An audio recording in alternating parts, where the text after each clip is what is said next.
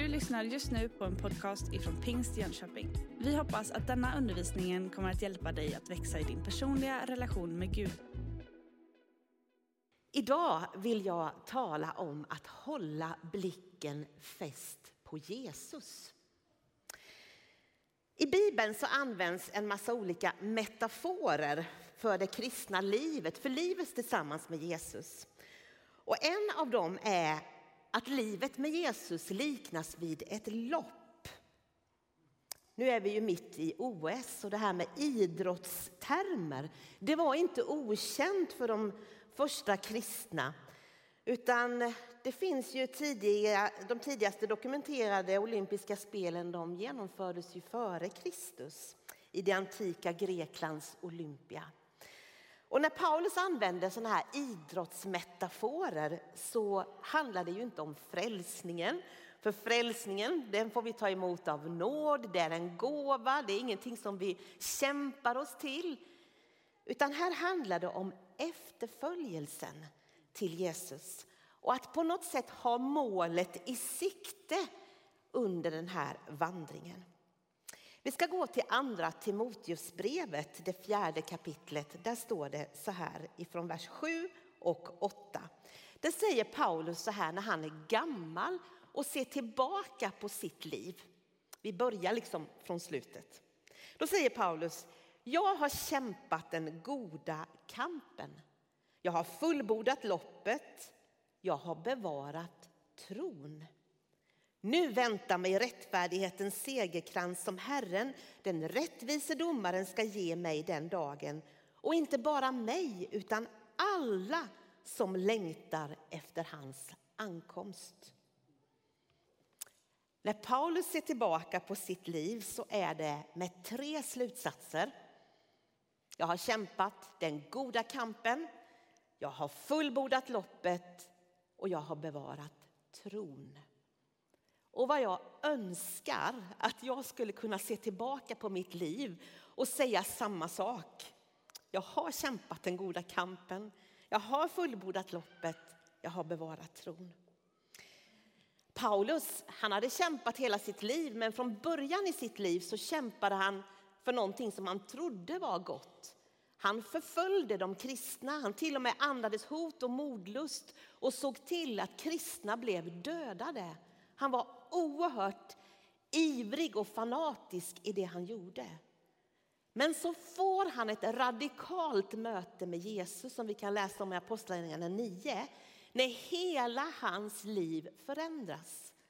Och han började bli en ivrig förespråkare för att berätta om Jesus överallt där han gick fram. Han blev till jättestor välsignelse, har skrivit de flesta breven i Nya testamentet och varit med och startat många församlingar. Jag har kämpat den goda kampen. Att kämpa en god kamp det handlar om att vara med och utbreda Guds rike. Och det kan ta sig väldigt många olika uttryck. Det, kan, det handlar om att göra Jesus känd, trodd, älskad och efterföljd. Vi hörde om att bjuda in till en alfakurs. Det är att vara med i en god kamp. Att kämpa en god kamp det handlar om att kämpa för alla människors lika värde. Det handlar om att kämpa mot förtryck. Det handlar om att kämpa för alla människors rätt till tro och skydd. Det handlar om att kämpa för den skapelse som Gud har skapat. Ja, listan kan göras lång vad det handlar om att kämpa en god kamp. Den kampen som Paulus pratar om, den handlar ju inte om kött och blod. Det är inte mot människor vi kämpar. Utan det handlar ju mycket om det som pågår i våra egna liv. Vårt eget kött, vår egen bekvämlighet, vår egen självupptagenhet. Det handlar om världens värderingar som går inte liksom hand i hand med Guds värderingar alla gånger. Och det handlar mot ondskans andemakter i himlarymderna. Det räcker att vi sätter på nyheterna så märker vi att det är mycket ondska. Det är mycket som är ont i den här världen. Men i en vanlig löpartävling så är det ju bara en som kan vinna. Men i det här loppet som vi får vara med i, där kan vi alla vinna. Vi är inte kallade att tävla mot varandra, utan vi är kallade att springa sida vid sida och att hjälpa varandra att nå målet. Det här är ett väldigt speciellt lopp. Jag har kämpat den goda kampen, säger Paulus. Jag har fullbordat loppet. Det här loppet det har en början och det har ett slut. Och början på det här loppet det är ju när vi kommer till tro på Jesus, när vi tar emot honom i våra liv och vi bestämmer oss för jag ska följa Jesus. Förra söndagen hade vi dop och det där liksom är första stegen. Men sen under det här loppet så kan vi möta väldigt många olika passager. I ett terränglopp så kan det vara ordentligt med uppförsbackar. Det kan vara sånt motlut som man kanske undrar hur ska man klara detta? Så kan det vara i livet och i livet tillsammans med Jesus också. Det kan vara riktigt motigt ibland. Sen kan man komma till andra passager där det är liksom en nerförbackar och det går nästan av sig själv. Det kan komma tider när det är som liksom bara jämn mark. Och så kommer man till hoppet, när målet är väldigt nära. Kanske där i livets slutskede när man till och med vet att nu är det inte långt kvar. Den där är den kanske viktigaste passagen. Ibland kan det vara den svåraste passagen. Det var det för Jesus när han var på upploppet. Vi vet hur han kämpade i ett semane. Det var en otrolig kamp på upploppet. Han svettades blod, han hade ångest, han bad till Gud. Låt denna liksom bägare gå ifrån mig om det är möjligt, men inte som jag vill, utan som du vill. Och så fäste han liksom blicken på det osynliga, på det uppdraget han hade. Och så gick han hela vägen till korset och gav sitt liv för oss och vann en evig seger. Vet, Jesus är sån förebild för oss. Han gick hela vägen. Paulus sa, jag har fullbordat loppet när han tittade tillbaka. Fienden vill slå ner, slå ner vårt mod och komma med modlöshet och uppgivenhet. Och det finns många gånger anledningar som vi hittar att ge upp. Och vi tänker det går inte, det är ingen idé. Men när de där tankarna kommer, då ska vi påminna oss om Guds ord som säger att Gud har inte gett oss modlöshetens ande. Utan han har gett oss kraftens, kärlekens och självbesinningens ande. Men hur gör jag då? Ja, Paulus säger, jag har bevarat tron. Och Det är ju det som är det viktigaste. Men hur bevarar man då tron genom allt det man är med om i livet? Distraktioner och svårigheter som vi möter. Hur kan vi behålla blicken på Jesus och komma i mål? Himlen är ju vårt mål, att få möta Jesus, den eviga gemenskapen med honom. Men hur kan vi liksom hålla blicken på honom när vi möter motgångar, misslyckanden, sjukdomar? När våra barn och barnbarn inte mår bra eller kanske ens vill leva mer. När de gör livsval som inte vi känner att vi kan stå med i eller ens vill komma till den församling som betyder så mycket för oss. Hur kan vi hålla ut i vår tro när de som är våra förebilder kanske sviker oss? När bönesvaret uteblir och när vi tycker att Gud är tyst? Hur gör vi för att liksom bevara tron? Nu går vi till Hebreerbrevet 12, vers 1-3. Hebreerbrevet 12, vers 1-3.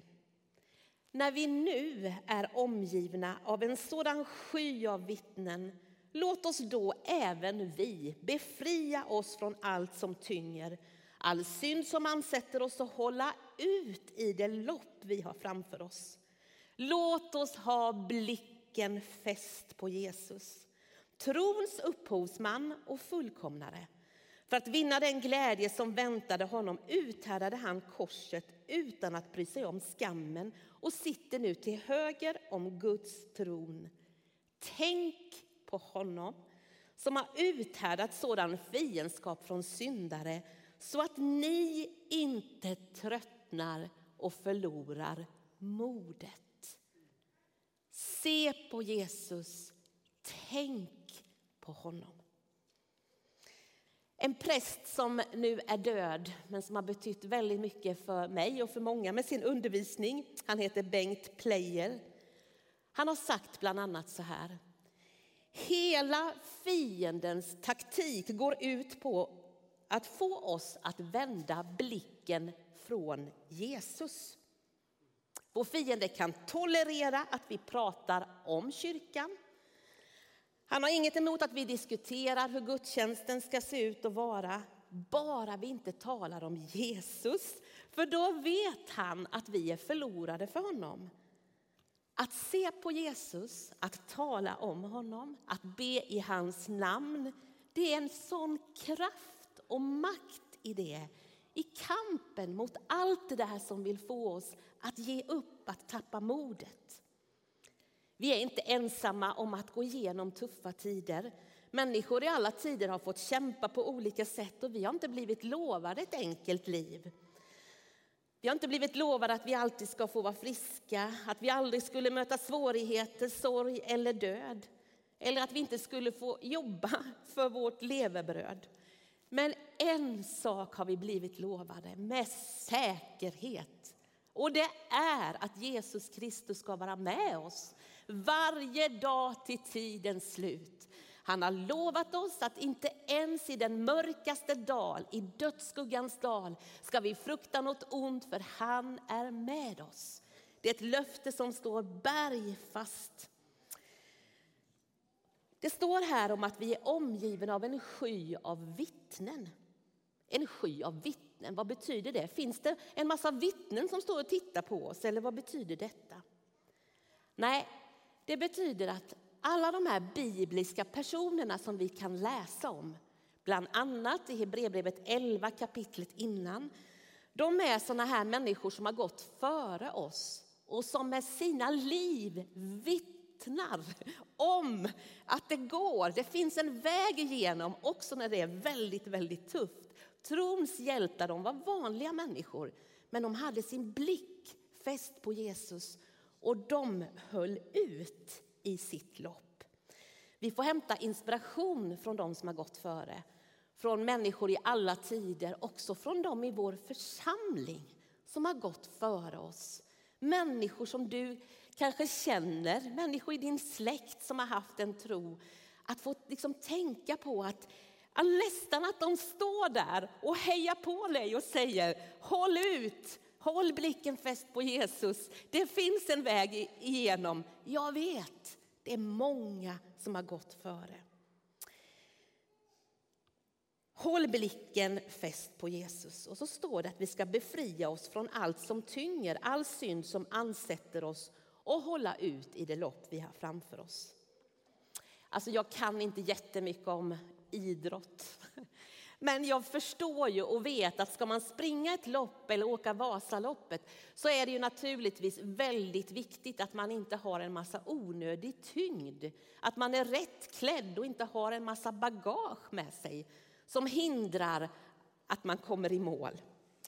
Och så är det ju med våra liv också. Vi kan så lätt samla på oss en massa tyngd som får oss att sänka blicken, som får oss att det blir väldigt tungt. Men Bibeln uppmanar oss att lägga av det som tynger. Det kan vara oro och det kan vara bekymmer. Det kan vara misslyckande som vi har gjort, som vi fastnar i. Det kan vara synd, det kan vara sånt som vi har gjort som är fel. Men då är det så skönt att veta att vi kan få komma med det, oavsett vad det är. Lägga ner det vid Jesu kors. Vi kan få bekänna våra synder och vi kan få märka hur det här lättar. Och jag får göra det gång på gång. Jag märker själv att jag samlar på mig en hel del.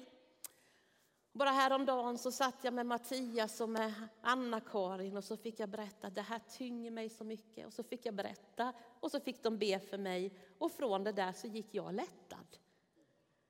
Och många gånger så har jag också fått bekänna synd. Jag har fått berätta precis som det är och säga, bekänna precis som det är och fått gå ifrån detta med syndernas förlåtelse och känna att man går lättare. Första gången jag gjorde det var det som att flyga på moln. Jag kände mig så lätt. Vi behöver inte gå och bära på allt och vi får hjälpa varandra med bördorna som vi bär. Och delar vi dem så blir det på något sätt lättare. Håll blicken på Jesus. Hur gör vi det?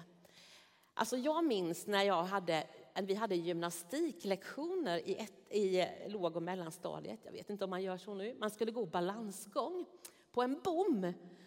Och det var ju liksom ett antal centimeter ovanför marken. Och så skulle vi gå balansgång och så sa läraren håll nu blicken på den där punkten där framme och så gå balansgång. Och det var ju så svårt att inte titta ner var man sätter fötterna. Och när man gjorde det så förlorade man balansen och så åkte man ner på golvet och så fick man börja om igen. Alltså att fästa blicken på målet, det är inte alltid så lätt. Det var det inte för Petrus heller när Jesus kom och gick och det var höga vågor. Och så säger Petrus till Jesus, är du du så låt mig komma till dig på vågorna. Och Jesus sa att Petrus skulle komma och han kliver ur båten, han börjar gå och det gick jättebra. Men rätt som det är så ser han de stora vågorna och så sjunker han. Men då är ju Jesus där, fattar honom i handen och tar upp honom igen och på något sätt påminner honom om att du ska ju hålla din blick på mig. Alltså det är mycket som vill distrahera oss, eller hur? Som vill få oss att på något sätt ta in allt det här som vi hör och ser runt omkring oss. Och det är svårt ibland att på något sätt hålla den här blicken på Jesus. När mina barn, eller våra barn växte upp, vi har tre grabbar, så var det väldigt mycket så att de satt med sina datorer och sina telefoner och man tyckte att ni är ju hopplösa. Idag är de vuxna, de studerar, två av dem, och jag är så imponerad för de har lärt sig tekniker som gör att de stänger av allting, de pluggar koncentrerat, de vilar. Alltså det är inte mycket telefoner och distraktioner för de har lärt sig att ska man komma någonstans så kan man inte hålla på och låta sig distraheras av allting. Och så säger de till sina föräldrar Vet ni inte hur dåligt det är när ni har telefonen liggande på bordet när vi ska äta? Vi får så mycket eh, liksom, sämre samtal. Och de försöker få oss att förstå att, att telefonerna är en sån distraktion. Och jag känner att många gånger så är det riktigt så här, oj, det här behöver jag höra. Att hålla blicken fäst på Jesus, ja hur gör man det? På upploppet inför döden så får en del människor kämpa. I vår församling så Ja, jag har förmånen, måste jag säga, att möta många människor som är äldre. Och ibland så får jag vara med där i livets slut. Och det är många begravningar. En del människor de får somna in i frid. För en del människor får man kämpa i livets slutskede med smärta. Och en del får också kämpa med sin tro. Men jag tänker på Johannes döparen. Han som gick före Jesus, han som banade väg för Jesus, han som pekade och sa se Guds lamm som tar bort världens synd. När han sitter i fängelse och han liksom livet börjar komma ifatt honom och alltihopa det här så börjar han tvivla och han börjar fundera över är Jesus verkligen den som skulle komma? Har jag pekat ut rätt person? Är det sant? Och det var många frågor. Men föredömligt nog så sitter han inte med frågorna själv utan han skickar sina lärjungar, han ställer frågor till Jesus. Jesus svarar och Jesus lyfter fram Johannes som en förebild. För några söndagar sedan så predikade Markus Örebäck som är en av våra församlingsledare om Thomas. Han predikade om tro, lätt eller svårt. En viktig predikan, gå gärna in och lyssna på den också. det här med att kämpa med sin tro, det är också någonting som är en verklighet för oss och någonting som vi får göra och någonting som vi kan ta hjälp av varandra med att få ställa våra frågor. För det är viktigt det här att tron på något sätt får, får bli tillit i, i våra liv. Att det får vara liksom, att vi kan vila i också att frälsningen är av nåd. Den handlar inte om våra förtjänster utan att det får vara som en dyrbar skatt som vi får ha. Och tänk att han är med oss i alla livets skiften, våran Jesus. Han till och med säger så här att Andra Korinthierbrevet 4 och 7. Denna skatt, säger Paulus, har jag i lerkärl för att den väldiga kraften ska vara Guds och inte komma från mig. Skatten ligger i ett lerkärl. Ni vet, tron, det är liksom skatten. Tron på Jesus Kristus, den, får vi, den har han lagt i ett lerkärl. Och det är vi som är de där sköra lerkärlen och vi behöver inte vara rädd för att det får vara lite sprickor där. För när det är sprickor så är det som att kraften, ljuset kommer ut därifrån. Och det är Jesus Kristus som är skatten, som är ljuset. Och han vill lysa genom oss. Ulrika Heidari, välkommen fram. Ulrika Heidari, ni såg henne på filmen om Café Hela Världen som startar på torsdag. En fantastiskt viktig mötesplats. Kom till den. Ulrika jobbar här i vår kyrka som integrationssamordnare, deltid. Du jobbar också i kommunen inom socialtjänsten. Och jag har eh, en stora förmån att få jobba med Ulrika och många andra medarbetare. Men jag beundrar dig mycket Ulrika. Väldigt mycket av din tid ägnar du åt svåra, tuffa samtal med människor som har det riktigt tufft. Eh, och eh, du möter mycket glädje också. Du har familj, gift med Amir, vuxna barn, barnbarn. Ja, men du har mycket omkring dig. Och jag tänker liksom att jag tycker det verkar så att du Ja, du har blicken på Jesus och du är en förebild på många sätt. Hur gör du och hur lätt tycker du att det är att ha blicken på Jesus i vardagen? Ja, jag fick ju frågan igår och eh, började fundera lite, så jag har gjort tills idag. Eh, och det finns ju två delar, precis som du själv var inne på. Den ena delen är ju i gemenskapen, att gå på gudstjänst eller vara med i en hemgrupp. Men också gemenskapen med den förföljda kyrkan. Det har faktiskt hjälpt mig att fästa blicken på Jesus. När man läser vittnesbörd om de som sitter i fängelse och får fly, som blir torterade för att de älskar Jesus och de håller fast vid tron.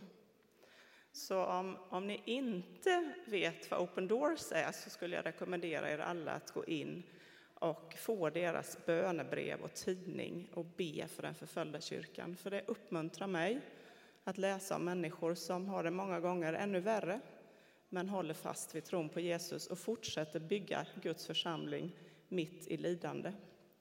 Så andra är viktiga eh, för att man, precis som du sa, kunna dela och få förbön av någon om man inte mår bra. Mm. Sen personligen så har det inte alltid varit lätt att ha blicken fäst på Jesus. Men idag skulle jag ändå säga att det är alla de utmaningar och svårigheter jag möter som hjälper mig att ha blicken fäst på Jesus. Mm. För att jag möter så mycket svårt så att det är helt omänskligt liksom att kunna göra någonting åt det själv. Och då måste man slänga sig på Jesus och ropa till honom att nu måste du hjälpa till. Det här är liksom övermänskligt. Eh, och så har det inte alltid varit. Eh, jag ska läsa ett bibelord för er här på slutet också från en av de perioderna i mitt liv där jag inte hade kanske blicken så fäst på Jesus för att det var tufft. Mm. Sen eh, i min vardag så försöker jag att alltid läsa Guds ord varje dag. Det är ju vår andliga mat. Och jag älskar att ta bönepromenader. Jag ber bäst när jag promenerar. Och då brukar jag påminna både Gud och mig själv, inte för att Gud behöver bli påmind, men det gör jag ändå, om alla hans löften och om vem han är.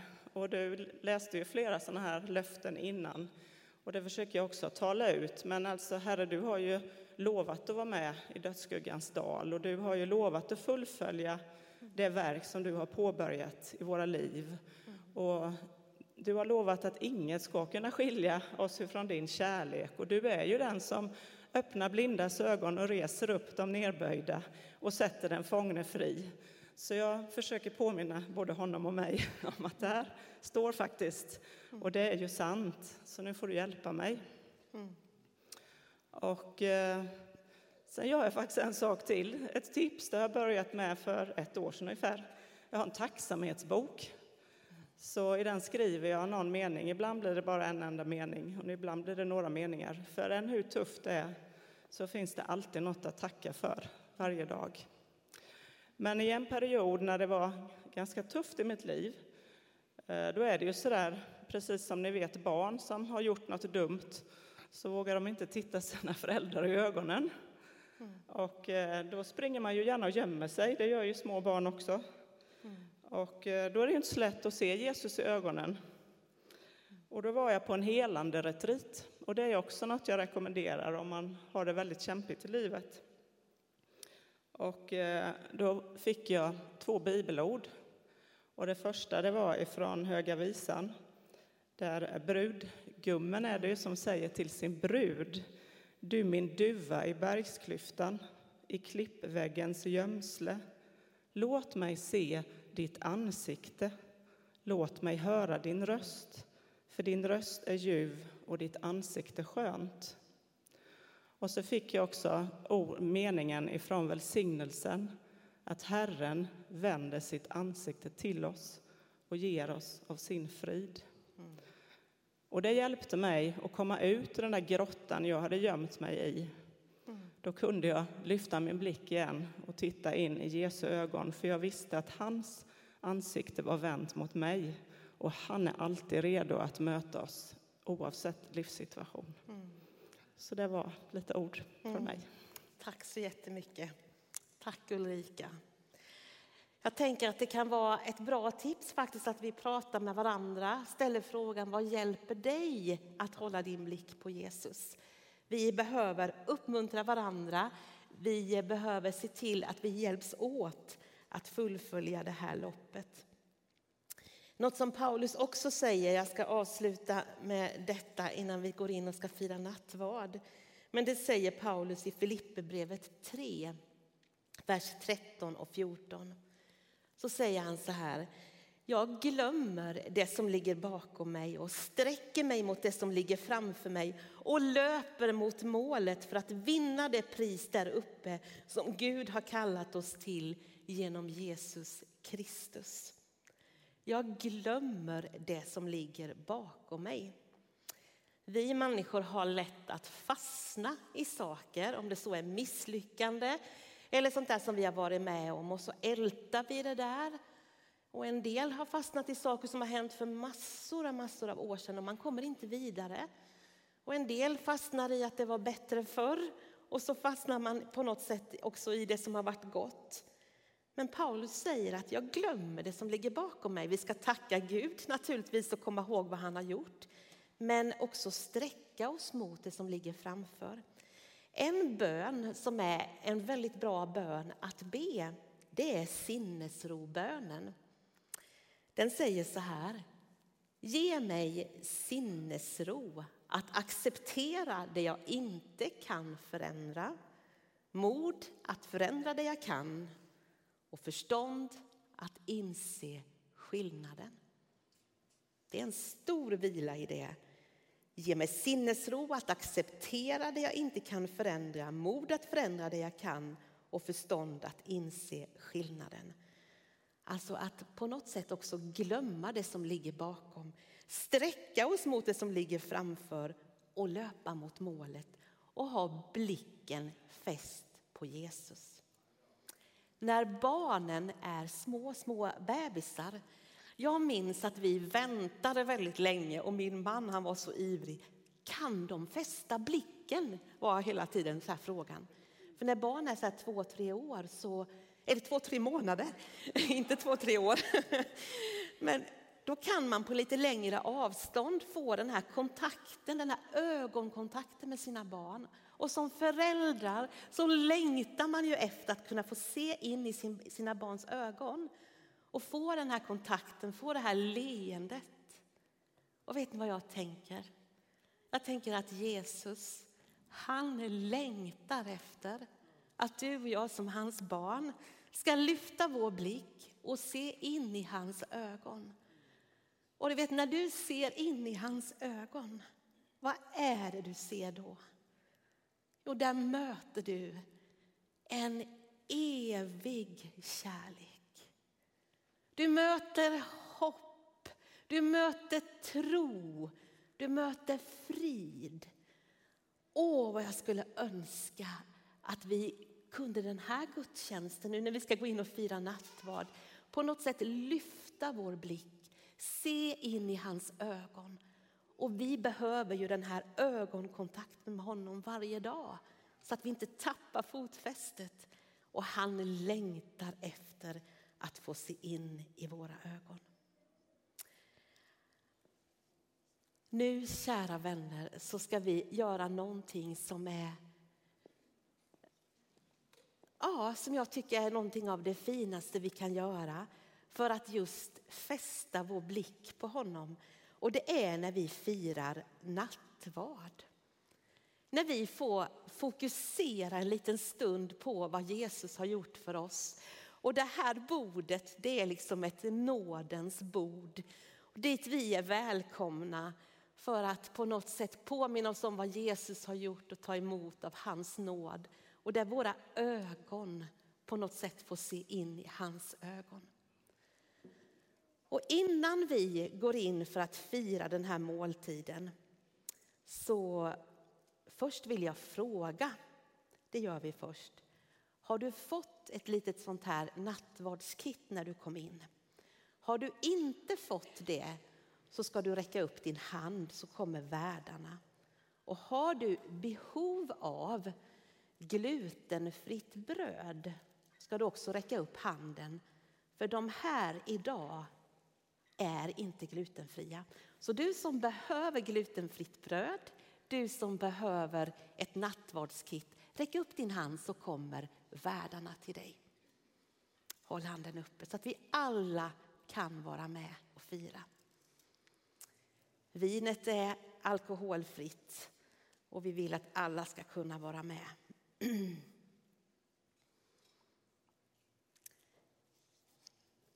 Och innan vi går in och firar nattvarden så tänker jag att vi ska ge tillfälle att lägga av det som kanske tynger.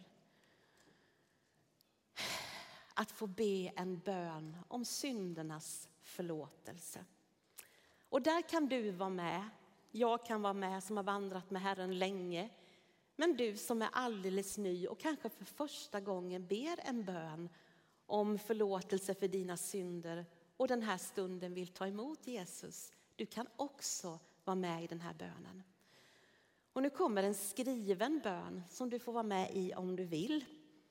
Och där vi bekänner vår synd och där vi ber om förlåtelse och rening. Låt oss be.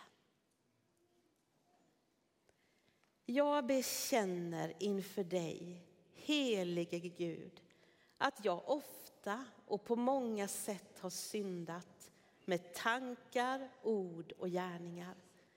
Tänk på mig i barmhärtighet och förlåt mig för Jesus Kristi skull vad jag har brutit. Rena mig så blir jag ren, hela mig så blir jag hel. Dra mig till dig så får mitt hjärta ro. Amen.